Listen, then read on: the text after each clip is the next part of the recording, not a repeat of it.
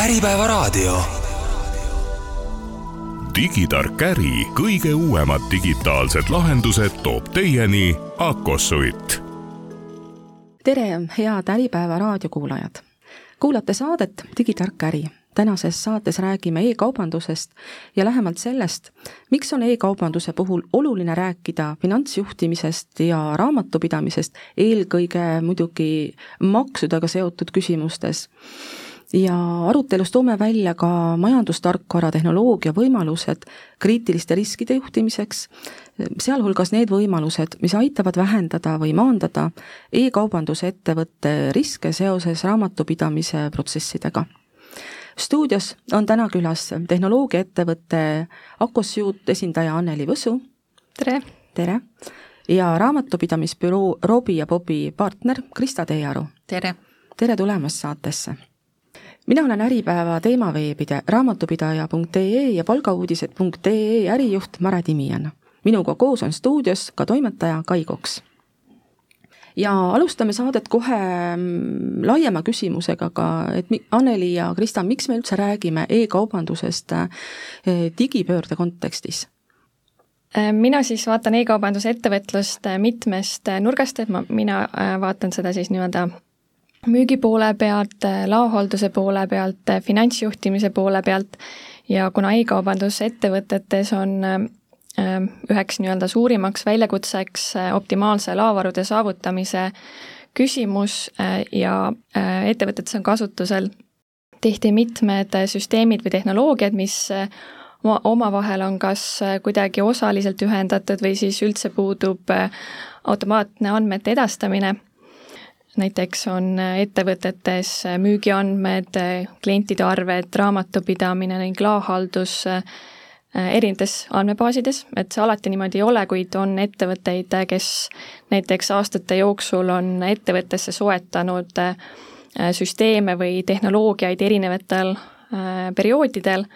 Ja vastavalt siis nii-öelda äritegevuse kasvule on neid erinevaid süsteeme ka püütud omavahel kuidagi kokku sobitada ja ja põhiprobleemiks siis e-kaubanduses, mis mina hetkel näen, on, on nii-öelda see ühtse andmebaasi puudumine mis toetaks kõiki ettevõtete äritegevuse osasid korraga ja, ja nii-öelda ühest, ühest vaatest. Krista?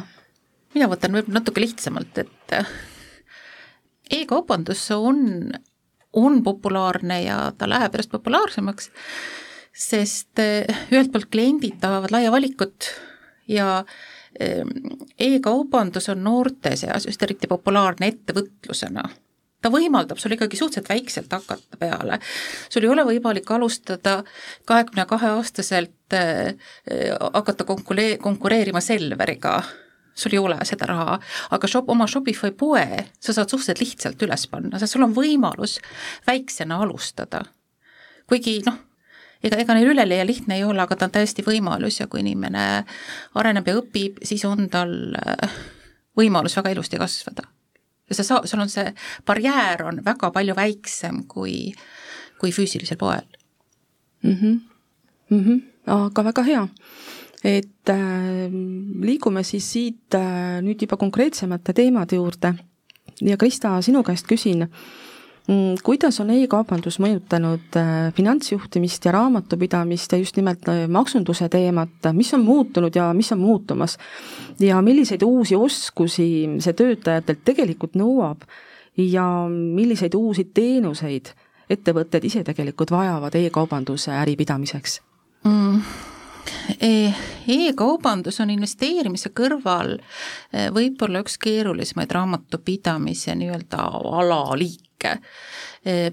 väga paljud raamatupidajad on harjunud äh, Eesti keskse äritegevusega ja siis, kui ta läheb välja ja siis on sul mingisugused rahvusvahelised maksureeglid ja siis on sul mingisugused äh, ka imelikud inglisekeelsed platvormid ja hiinakeelsed arved.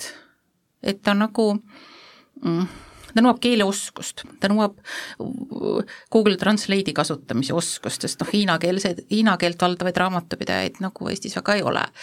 aga Google Translate või siis kaasaegsemalt see chat GPT saab, saab nendega ilusti hakkama. ehk sa pead keeli oskama, sa pead oskama andmeid analüüsida, sul tuleb mingisugune segane raport, sa pead ära, ära aru saama, mis andmed kuskil on, ehm, kuidas sa neid korrastad, kuidas sa, kuidas sa neist äh, vajadusel pivoti teed, kuidas sa sellest kande teed, ehk ta natuke nagu noh, ta nõuab natuke rohkem nagu loogilist mõtlemist. Ehm, sa pead aru saama, kuidas andmed jooksevad, mida teeb see Amazon, mida teeb see Stripe, mida teeb mingi maksekeskus, kuidas see raha liigub kuida-, kuidas andmed liiguvad, et ta on, see on nagu raamatupidamis, raamatupidaja tööle täitsa nagu eraldi kiht. ja on raamatupidajad, kellel see üldse ei sobi mm,. Miks mm,? liiga võõras sa oled harjunud, ma olen harjunud sisestama ostuarveid ja laekumisi ja müügiarveid ja tegema käibedeklaratsioone. aga äh, rahvusvaheline tegevus eeldab seda, et sa saad aru, aa okei okay,, mul on Amazoni, Amazoni ladu Saksamaal mida see tähendab? registreerimist Saksamaal, aga UK-s, aga vot seal ei pea, sest UK pole, pole Euroliidus, et sa pead nagu eh, teadma nii palju neid reegleid peale ja Eesti maksu- ja, ja sa oled harjunud, kui sa jääd millegagi hätta, sa helistad Maksuametisse, Eesti Maksuamet ei vasta sulle mitte midagi, ei Saksamaa ega UK kohta, pöörduge sinna. ehk ta nõuab nagu mhm. täiendavat teadmist, et ta, ta nõuab nagu teistmoodi mõtlemist natukene mm. -hmm. sa viitasid andmetele, kuidas sinu praktikas on sinu klientide puhul, kuivõrd nad üldse oskavad mõelda selle peale, et tegelikult on e-äri pidamiseks vaja väga palju erinevaid andmeid, sa pead aru saama, kust nad tulevad ja e mida nad sulle näitavad e? tegelikult nad saavad aru e, e-äri e, e-kaubandus on väga analüütiline. ma olen näinud, kuidas meie poisid teevad omal analüütikat, see on tohutu, see on tohutu analüüs, need marginaalid on väikesed. ja siis sa, siis sa seal oled, et aa, okei okay,, see kampaania, see reklaam mõjus, ei mõjunud, kaubavarud, kui peal, noh, see on tohutu analüüs on seal taga. ja noh, meie vedamine on see, et ta saab aru, et kui tema andmed on talle olulised, siis ta saab aru, et andmed on meile olulised mm. -hmm. aga noh, eks, eks neid natuke peab ikka vahetevahel kasvatama, aga, aga. Ehk see, see koolitamine või õpetamine, kliendi õpetamine käib tegelikult Ikka. täna selle, selle töö juurde. aga, aga e-kaup, e-kaubandusega tegelevad, on üldiselt väga head kliendid, nad on täpsed. Nad on, nad on andme, nad mõtlevad andmepõhiselt. Nendega on mm, -hmm. üldiselt on nendega tore. millised on olulised aspektid äh, mida e-kaubandusettevõte peaks silmas pidama finantsjuhtimise ja raamatupidamisega seotud protsesside juures? eh, kaks asja kindlasti, üks on see, et sa pead aru saama, kui palju sul raha on sa pead aru, sa pead aru saama, kui palju sul raha on, kui palju sul raha vaja läheb. kui sul on dropshipping, kui su kaup saadetakse otse Hiinast otse kliendile, siis sinu raha seal all kinni ei ole aga see marginaal on jälle imepisikene. kui sa müüd Amazonis, sa pead aru saama, noh, sul, sul on seal jälle tohutu raha, raha kinni. alates sellest, kui sa oma hiinlasele ettemaksu teed, kuni ta kunagi Amazoni latta jõuab, kuni ta kunagi maha müüakse, kuni ta sulle välja makstakse, see tsükkel on väga pikk. ja ja, ja sa pead aru saama, kui suured on igasugused teenustasud, iga platvorm võtab oma protsendi. ehk seda, seda nagu rämedalt alahinnatakse, sa vaatad algul seda hinnakirja, ah, pole midagi, kõik on tore, ja siis sa saad selle arve ja siis vaatad, oo, ma pean peale maksma. Mm. -hmm algul oma, algul väikeste, väikeste koguste juures sa reaalselt maksad Amazonile peale, et sa tohid seal midagi müüa. Ehk see raha asi on üks asi ja teine on kahtlemata toodete kasumlikkus, millise hinnaga sa müüd ma pean kampaaniat tegema, ma pean tegema allahindlust. mis see tähendab, kas see allahindlus katab mulle ära selle, et äh, tulevikus kaubad, noh, see mm, müügid kasvavad? tohutu matemaatika, tohutu matemaatika mhm. too veel näide, et sa rääkisid, et see protsess on tegelikult päriselus väga-väga pikk. kui pikad need protsessid tegelikult äh, on?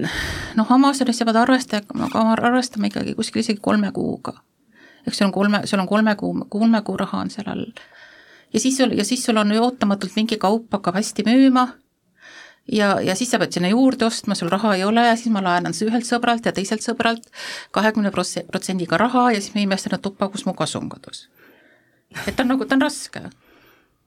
on, sa vaatad, vaatad Youtube'ist videot, tuhande, tuhande dollariga miljonäriks Amazoni, Amazoni platvormil müües, aga see õppimiskõver on julm ja see raha, mis sinna on vaja panna, on suur, aga, aga me oleme näinud imelisi edulugusid ka.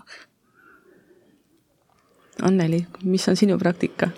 Mm, põhilised teemad, millega mina siis e-kaubandusettevõtetes olen kokku puutunud lisaks sellele, mis Krista rääkis ja just raamatupisa-, just raamatupidamise valdkonnas on seotud korrektse laovarude haldamise, logistika ja tarneahela aspektide, maksevõimaluste ja maksete töötlemisega.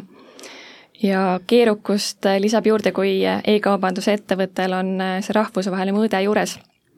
ehk siis e-kaubandusettevõtetel on sageli ulatuslik laovarude hulk, mis tuleb korrektselt arvestada ja hallata ja, ja oluline mõõta, jälgida äh, neid nii-öelda laoseisus olevaid kaupu ning tagada, et et laovarud oleksid täpselt kajastatud raamatupidamisest.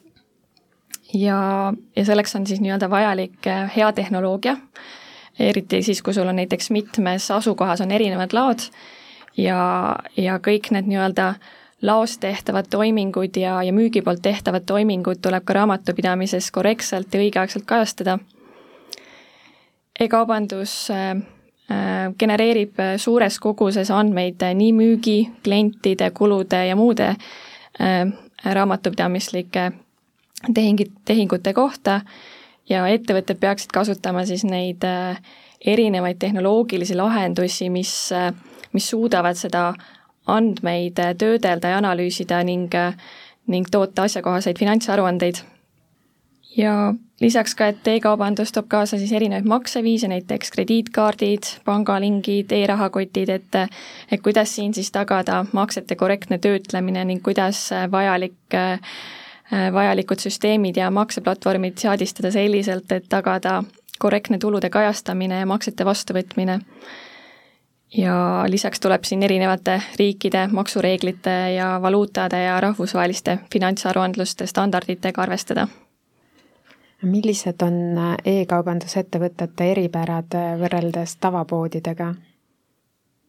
ma tooks välja selle, et äh, e-kaubandusettevõtted vajavad mitmeid uusi teenuseid, mis on seotud finantsjuhtimise ja raamatupidamisega. näiteks vajavad nad maksete töötlemise teenuseid, krediitkaardimaksete integreerimist, et ja, ja nii-öelda ühtset andmebaasi, et kõik need nii-öelda erinevad andmed oleksid ühest kohast nähtavad. ja, ja samuti tuleb äh, e-kaubanduse ettevõtetes tegeleda pidevalt äh, ka kauba, kaupade nii-öelda tagastuse ja tagasimaksetega ja nendega seotud küsimustes, et äh, see kindlasti eeldab tehnoloogiat, mis aitaks kiiresti hallata neid tagasimakseid, töödelda vaidlusi ja, ja jälgida ka tegelikult ka klientide tagasi tagasisidet selles osas. ja kuna e-kaubandusettevõtted on sageli suunatud laiemale turule ja rahvusvahelisele müügile, siis, siis tehnoloogilised lahendused võimaldavad ettevõtetel lihtsamalt seda laienemist läbi viia, siseneda uutele turgudele ja, ja kohaneda rahvusvaheliste äriküsimustega ja lisaks, äh, kui, äh, kui e-kaubanduse ettevõte soovib uuele turule minna, äh, on võimalik tehnoloogia abil lisada uusi müügi- ja logistikakanaleid palju hõlpsamini.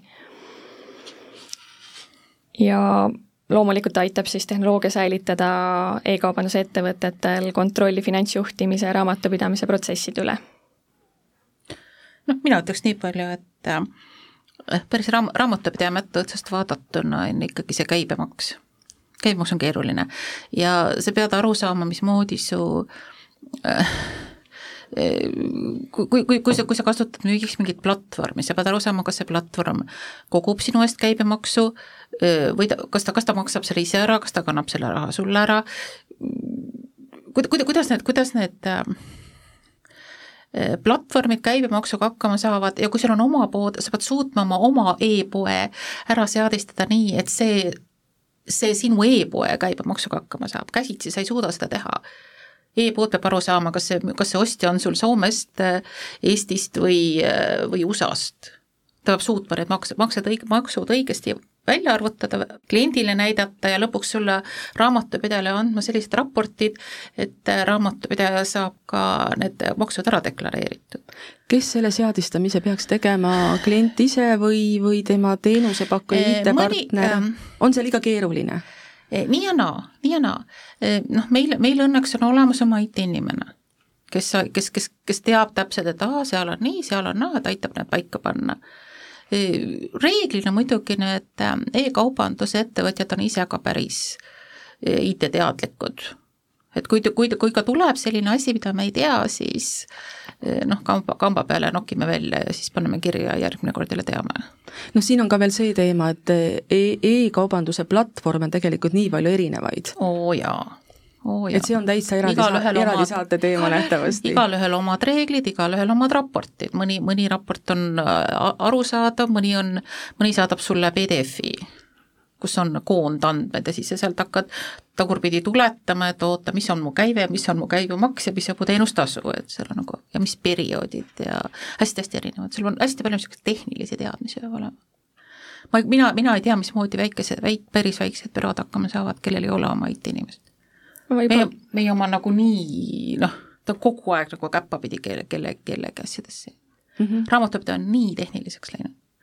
Jaa, Anneli? et ma võib-olla lisaks siit omalt poolt kogemuse, et et näiteks e-kaubanduse ettevõte, kes meie kliendiks on, et temal on siis nii-öelda see veebipood on ühendatud juba ERBi lahendusega, ehk siis kogu see nii-öelda see müük ja see käibemaksu arvestus käib juba veebilehe peal mm. -hmm. ja ta suudab nii-öelda siis äh, automaatselt äh, saata seda informatsiooni ERP-i, kus äh, nii kui klient teeb ostu, kõik kliendi andmed automaatselt on kajastatud, müügitellimused on tehtud, maksud on õigesti arvestatud, et et tehnoloogia suudab siin väga kenasti just e-kaubandusettevõtetele appi tulla ja, ja tagada ära selle, et et, et sul ei oleks probleeme kuskil, ma ei tea, USA-s järsku maksuarvestuse poole pealt, et, et kindlasti seal tasub jälgida, et mis riigiga tegemist on ja kuidas see ERP on üles seadistatud ja ja kuidas käib näiteks nende maksukoodide uuendamine, kes sellest peaks hoolitsema, et, et et ühelt poolt jah, tehnoloogia ma korra vahepeal täpsustan, et ERP siis tähendab majandustarkvara, et Jah. meie kuulaja ei pruugi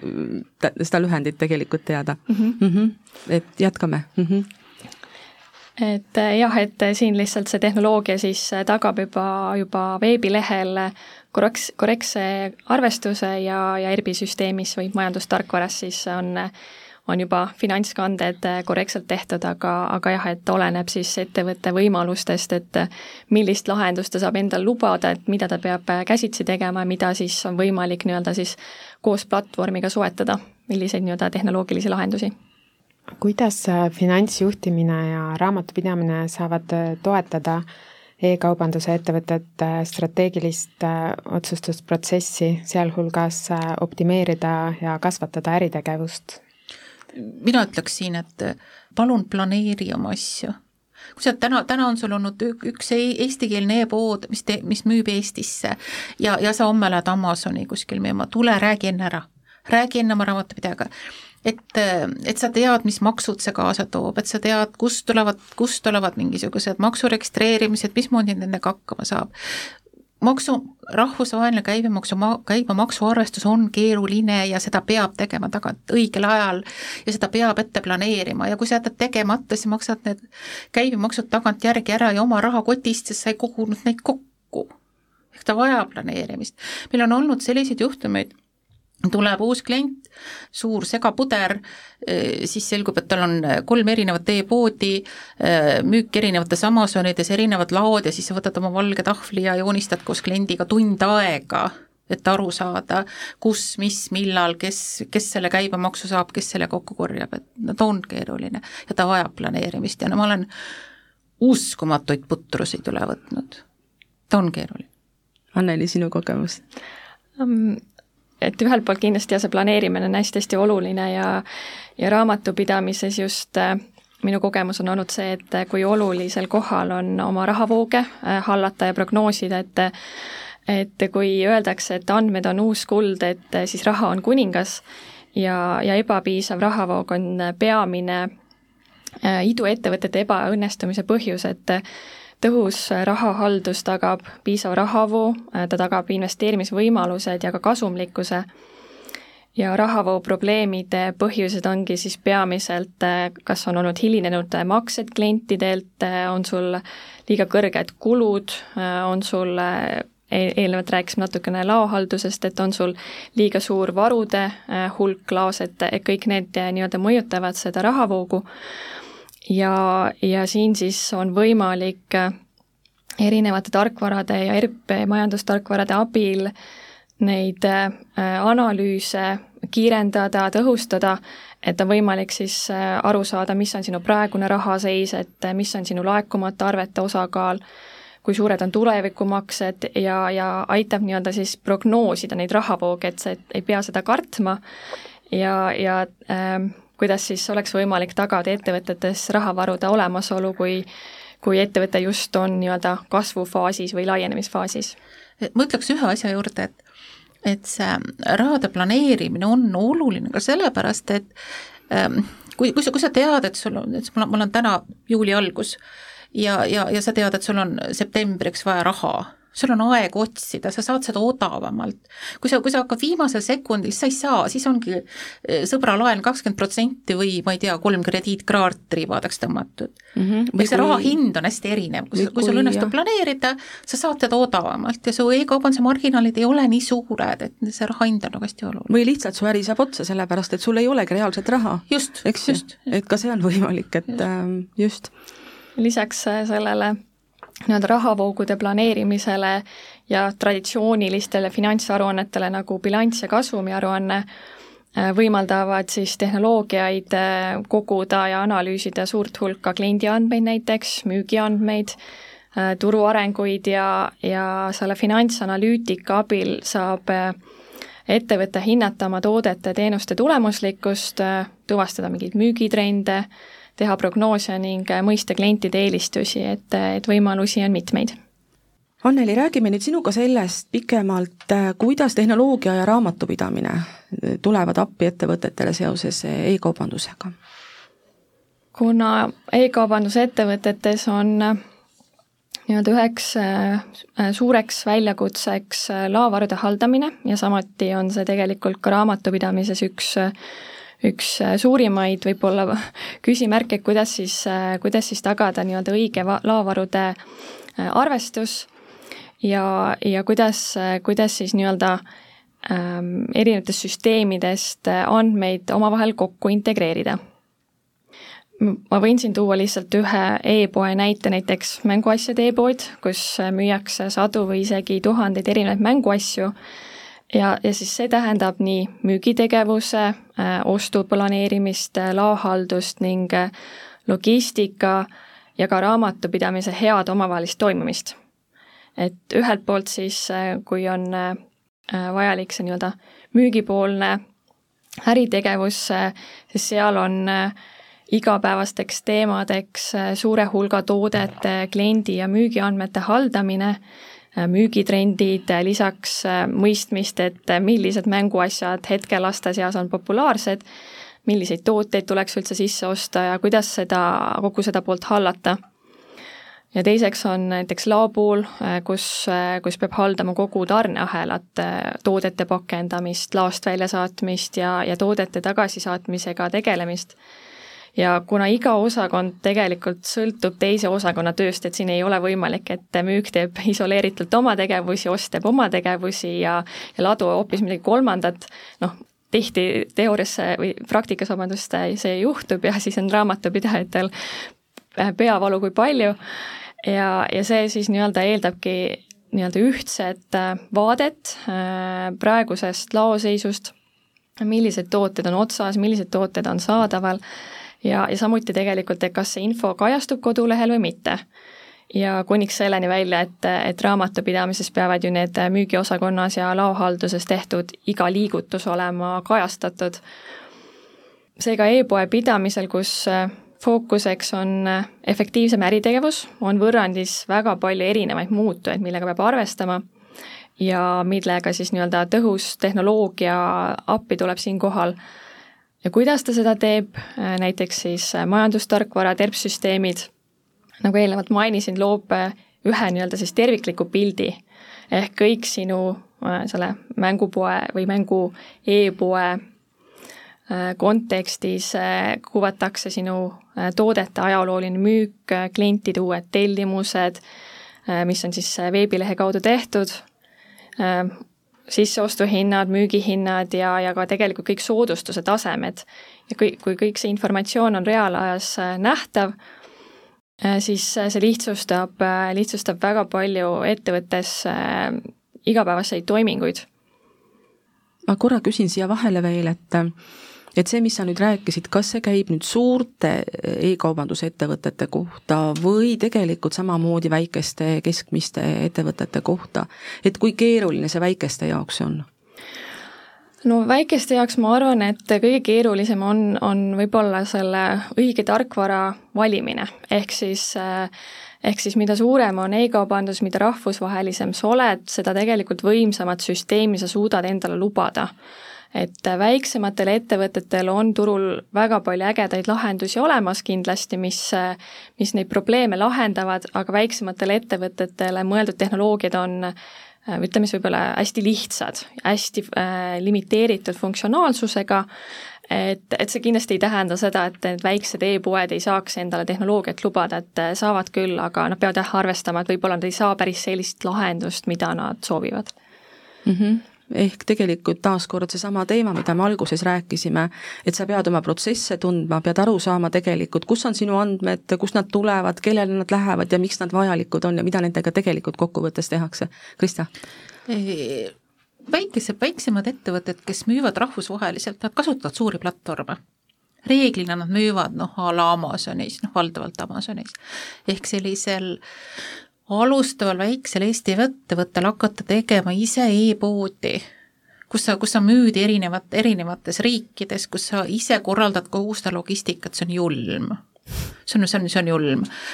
Amazoni, lihtsam on need Amazoni teenustasud ära maksta mm võib-olla lisaksin sellele, et jah, et kuigi sa saad kasutada erinevaid nii-öelda tehnoloogilisi lahendusi, siis mis on võib-olla, ma ei tea, Krista, kuidas sinul on, oled sa kokku puutunud, on ostude planeerimist, et, et kuidas just seda poolt nii-öelda äh, ettevõtetes ära katta, et kas see süsteem nii-öelda võimaldab seda ostude planeerimist, et hetkel näiteks minu kogemus on see, et paljud ettevõtte töötajad teevad äh, ostude planeerimist suurtes Exceli tabelites, et ongi suured andmebaasid, ühelt poolt sa võtad selle müügiandmed, mingist süsteemist Excelisse, siis sa vaatad, äh, prognoosid mingisuguseid müügitrende, siis sa vaatad äh, võib-olla jah, turuolukorda ja vaatad ka samamoodi, et kui kiiresti sinu tarnijad suudavad sulle neid tooteid äh, tagada. ehk, ehk see nii-öelda see Excelis arvutamine täna, tänapäeval ostude prognoosimisel on kindlasti teema ja, ja on tehnoloogiaid ka äh, turul olemas, mis sobituvad just suurematele ettevõtetele, kes, kes, äh, kes saavad siis kasutada tehnoloogiat äh, selliselt, et et tehnoloogia siis teeb inimese eest nii-öelda suure selle nii-öelda analüüsi poole ära, ta vaatab erinevaid aspekte, et mis on olnud müük, mis on olnud nõudlus ja, ja mis on nii-öelda näiteks sinu soovitud laovarude seis ja tänu sellele ta juba teeb nii-öelda sulle soovituse, et, et mit, kui palju sa tegelikult peaksid äh, tellima, mis ajal sa peaksid tellima, et, et see prognoosimise pool äh, kindlasti on oluline, et et osades ettevõtetes tehakse seda raamatupidamise äh, osakond, osakondades, osa, osades tehakse nii-öelda siis eraldi planeerimisosakondades noh, meie oleme raamatupidamisteenuse ettevõte, et meie ettevõtete ostusid kindlasti ei planeeri, aga noh, kui ma näen, et noh, noh meie, meie ette, meie, meie kliendid on pigem väiksemad, sellised noh, miljon-kaks ka aastakäivet. Ehm,, nendel, nendel on see küll Excelis. sest kui sa tel-, kui sa tellid nagu Hiinast kaupa, mis peab jõudma USA-sse ja sa pead tagama, et see kaup seal otsa ei saa, sest kui ta saab otsa, siis sa saad karistada, siis sa tellid varuga ja seal, seal nagu see noh, väga, väga täpset planeerimist, noh, see, see lihtsalt ei ole võimalik. sa pead, sa pead, sa pead piisava katvusega kogu aeg hoidma seda varu, et, et sa pead tagama, et otsa ei saa eelnev jutt siis ilmestab hästi, et kuidas ettevõtte sees saab äriprotsesse tõhustada ja kiiremaks muuta. kuidas aga aitab tehnoloogia kaasa parematele kliendisuhetele? Anneli ma arvan, et neid mooduseid on mitmeid, minu enda jaoks äh, põnevamad on esiteks see, et äh, kuidas äh, pakkuda siis personaalsemalt kliendikogemust. ehk kuidas tehnoloogiat kasutada maksimaalselt viisil, mis võimaldab koguda ja, ja analüüsida suurt hulka andmeid oma klientide kohta selleks, et luua siis personaalsemaid kliendikogemusi ja pakkudes näiteks soovitusi, mis põhinevad varasematel ostuharjumustel ja ja konkreetselt sellele inimesele suunatud ja temale eelistustele suunatud. ja, ja selline personaliseeritud lähenemine aitab tugevdada klientide sidet ettevõtte, ettevõttega ning suurendab tõenäosust, et kliendid tulevad uuesti sinu kodulehele ja teevad siis kordusoste ja teiseks on kanalite mitmekesisus, ehk kuidas tehnoloogia avab e-kaubanduse ettevõtetele erinevad suhtluskanalid klientidega. Ähm, on need siis äh, traditsioonilised veebilehed või, või kliendiportaalid, ähm, erinevad äh, integratsioonid sotsiaalmeediaplatvormidega, mobiilirakendused, äh, otsevestlused live-chati kaudu või siis e-poe kaudu, et need on nii-öelda siis põhilised viisid, kuidas kuidas e-kaubandusettevõte saab, saab oma klientidele paremat eh, kogemust eh, pakkuda?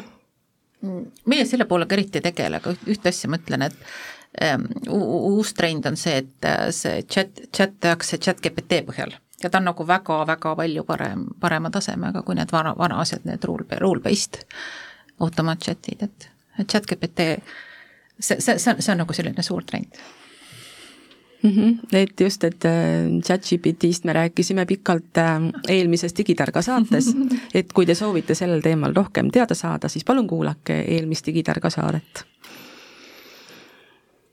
et äh, liigume, liigume edasi millist konkreetset kasu klient saab, kui ta ostab tooted ettevõttelt, kes kasutab erinevaid tehnoloogilisi lahendusi? kõige suurem kasu mida kliendid äh, ootavad ja tunnetavad, on äh, kiire ja kvaliteetne klienditeenindus, olgu see siis äh, sinu äriklient või lõpptarbija. ja selle tagamiseks näevad ettevõtted tegelikult täna väga palju vaeva.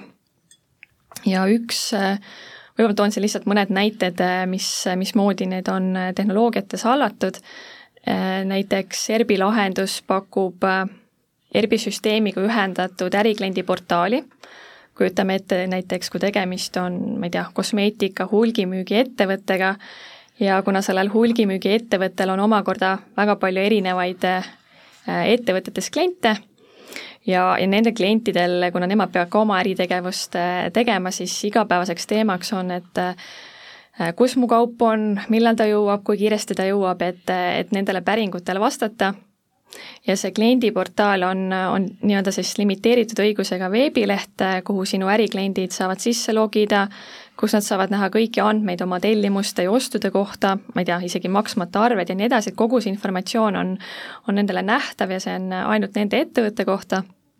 Ja, ja reaalajas informatsioon siis nii-öelda tagab selle tellimuse staatuse ja, ja kogu raamatupidamiseks vajaliku informatsiooni et äh, see omakorda siis aitab äh, hulgimüügiettevõttel või ükskõik, mis ettevõte selle kliendiportaali vajalikkust näeb, aitab äh, kokku hoida klienditeenindusele kuluvat ressurssi, sest sa ei pea igale kliendile individuaalselt tellimuse olekut kas siis emaili või telefoni teel vastama, vaid tänu sellele iseteenindusportaalile saad keskenduda teistele olulistele ülesannetele ja sinu ärikliendid on rahul, sest äh, nad saavad informatsiooni just siis, kui neil seda on vaja, et nad äh, ei pea ootama mingisugust, mingisugust äh, vastust, vaid, vaid siis, kui tekib vajadus, saavad kohe vaadata seda staatust. ja samuti ju kiirust, täpsust ja kvaliteeti ootavad ka lõpptarbijad, kuna me siin oleme rääkinud sellest laovarude haldamisest ja, ja selle olulisusest, siis minu meelest üks e-kaubanduse nii-öelda olulisemaid funktsionaalsusi või äh, mis kindlasti veebipoel peaks olema, ongi see, et, et kas sul on veebipoes kuvatud äh, laoseis ja kas ta on, kas ta on nii-öelda siis reaalajas staatuses, et näiteks rõivakauplus e-pood et, et kui klient vaat-, valib omale seal kingi või, või mingeid kleite, et tegelikult on kliendi jaoks oluline see, et sa näed, kas ta on sul laos olemas või mitte ja, ja ei teki seda olukorda, kus klient peaks oma tellimust tühistama, sellepärast et tuligi välja, et tegelikult kaupa laes ei ole ja läheb kolm kuud selle tellimiseks, et, et et see nii-öelda siis tehnoloogia võimaldab, võimaldab pakkuda kliendile nii-öelda paremat ostukogemust. Just nii, et äh, rääkisime siis sellest, et kokkuvõtlikult, et äh, et kliendid on muutunud aina nõudlikumaks, äh, sellepärast et lihtsalt turul on väga häid e-kaubanduse teenusepakkujaid.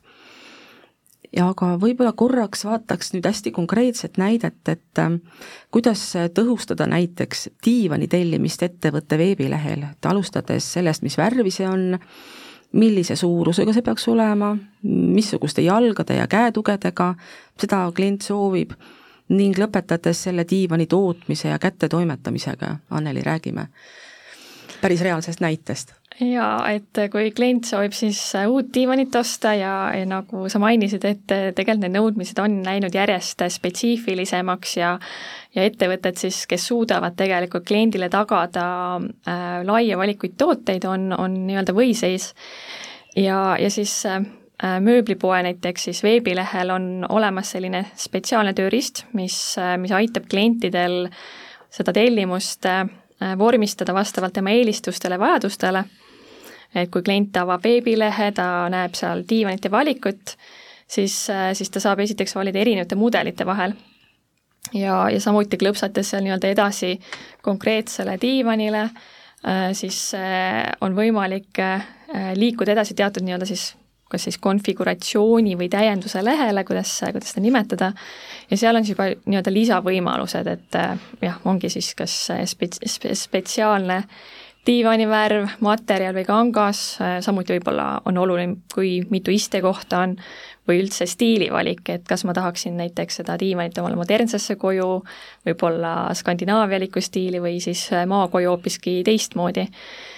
ja, ja kui äh, Äh, kui klient äh, on nii-öelda oma, oma valikud selle ära teinud, siis mis toimub selle taga ja mis toimub siis nii-öelda siis ettevõtte süsteemis või tehnoloogias, on, on see, et et ähm, kasutades näiteks ERBi süsteemi või muid võimsaid majandustarkvaru, ähm, on olemas seal süsteemis hulk andmeid, mis aitavad ettevõttele hallata kõiki neid äh, äritegevusega seotud toiminguid, äh, neid tellimusi, kui klient äh, näiteks on oma selle otsuse ära teinud, mis ta soovib, äh, vajutab lisaostukorvi ja teeb tellimuse ära, siis, siis kõik see nii-öelda teave jookseb automaatselt ERBi süsteemi, ehk sa näed, kes oli klient, mis ta tellis, milliste nii-öelda siis valikutega, milliste, milliste nõudmistega ja, ja seejärel siis juba müügimeeskond äh, saab seda tellimust vaadata, töödelda ja, ja ka tootmiseks ette valmistada. ja, ja samuti nii-öelda äh, lisaks sellele on sul ülevaade ka siis sinu nii-öelda praeguses laos olevate andmete äh, hulk äh, ja, ja kui neid tooteid laos ei ole, siis, äh, siis on võimalik äh, tarnijatel juba edasi anda oma tellimus sisse, mis selle diivani tootmiseks vaja läheb, milliseid materjali ja nii edasi. ehk ta võimaldab hallata siis kogu protsessi, et alu-, alustades sellest, kui kliendil on hästi spetsiifiline vajadus, kuniks selleni, et, et see toode saab valmis ja kui toode on valmis, on automaatselt võimalik arve siis saata ka kliendile, et kui ei ole tegemist ettemaksuarvega, et on võimalik saata siis äh, Äh, süsteemist arve, kui klient on äh, arve tasunud, äh, siis juba saadetakse see diivan kliendile koju. ja raamatupidajatel on kogu protsessist tegelikult väga hea ülevaade, et mis seisus see tellimus on, kas arved on esitatud, kas need arved on tasutud või kas näiteks kulud ja tulud on õiges perioodis ma püüdsin siit praegu sinu jutust selle mõtte veel kinni, ma küsin sinu käest üle et äh, nüüd äh, e-kaubanduse äri puhul, et kui sa hakkad seda äri tegelikult tegema, et sa pead ka väga hästi nagu aru saama, mis tooted sul on. ehk johtuvalt sellest sa pead mõtlema, millist platvormi sul tegelikult vaja on, milliste võimekut-, võimekustega platvormi. sest noh, kui sul diivanit ei ole ja see noh, keeruline protsess tegelikult, mida sa kirjeldasid, väga paljude erisustega, seda ei ole ju alati vaja mm, -hmm. eks ju et äh, ka see on koht, äh, mis tegelikult on oluline nagu läbi mõelda, et mida ma tegelikult üldse müüma hakkan. Jah, kindlasti, et, et on väga palju erinevaid süsteeme turul, et on noh, kui sul on lihtsalt, on näiteks, ongi sama diivan ja erineva värviga, et siis tegelikult sul ei ole vaja väga keerulist lahendust sinna juurde, et kõik olenebki sellest ärimudelist, milliseid tooteid ma soovin klientidele pakkuda, et kõik sellest ka tuleneb, et tegelikult millist süsteemi sul vaja on ja ja meie Akosuidis ka tegelemegi see tegelikult sellega, et et kui kliendil on vaja uut süsteemi, siis me koos kliendiga vaatame sisse, milline on nii-öelda tema ärivajadus, millega ta tegeleb, kui keeruline see on ja ja, ja äh, mis on see nii-öelda siis tema jaoks kõige optimaalsem lahendus, et, et äh, esiteks ta saaks oma äri tehtud selliselt, nagu ta soovib, ja teiseks äh, ei oleks seal funktsionaalsusi, mida ta ei kasuta, et ei ole mõtet lisada sinna nii-öelda tehnoloogiasse või sinna süsteemi äh, Äh, toiminguid, mida, mis tegelikult koormab nii inimesi, et, et sa võib-olla alati ei saa protsessist aru, kui sul on mingisugused lisafunktsionaalsused, ja teistpidi siis äh, jällegi äh, koos kliendiga me üldiselt vaatame näiteks kolm aastat ette, et et kuhu ta soovib oma äriga jõuda, et mis on tema nii-öelda ambitsioon, kas ta soovib jätkata selliselt, kus ta täna on, kas ta soovib uutele turgudele laieneda, kas ta soovib võib-olla mingisugust uut äri Äh, mudelit endale kasutada, et ka tegelikult seal väga oleneb, äh, millist äh, tehnoloogiat see klient tegelikult vajab mm. -hmm, just nii et oleme nüüd saatega sealmaal, et hakkame saatel otsi kokku tõmbama, meil on paar minutit aega. Krista, lähen korra tagasi ja püüdsin enne sinu jutust kinni, et sul oleks ka rääkida mõni e-kaubanduse eriline edulugu räägi palun saate lõpetuseks üks eriline edulugu e-kaubanduses.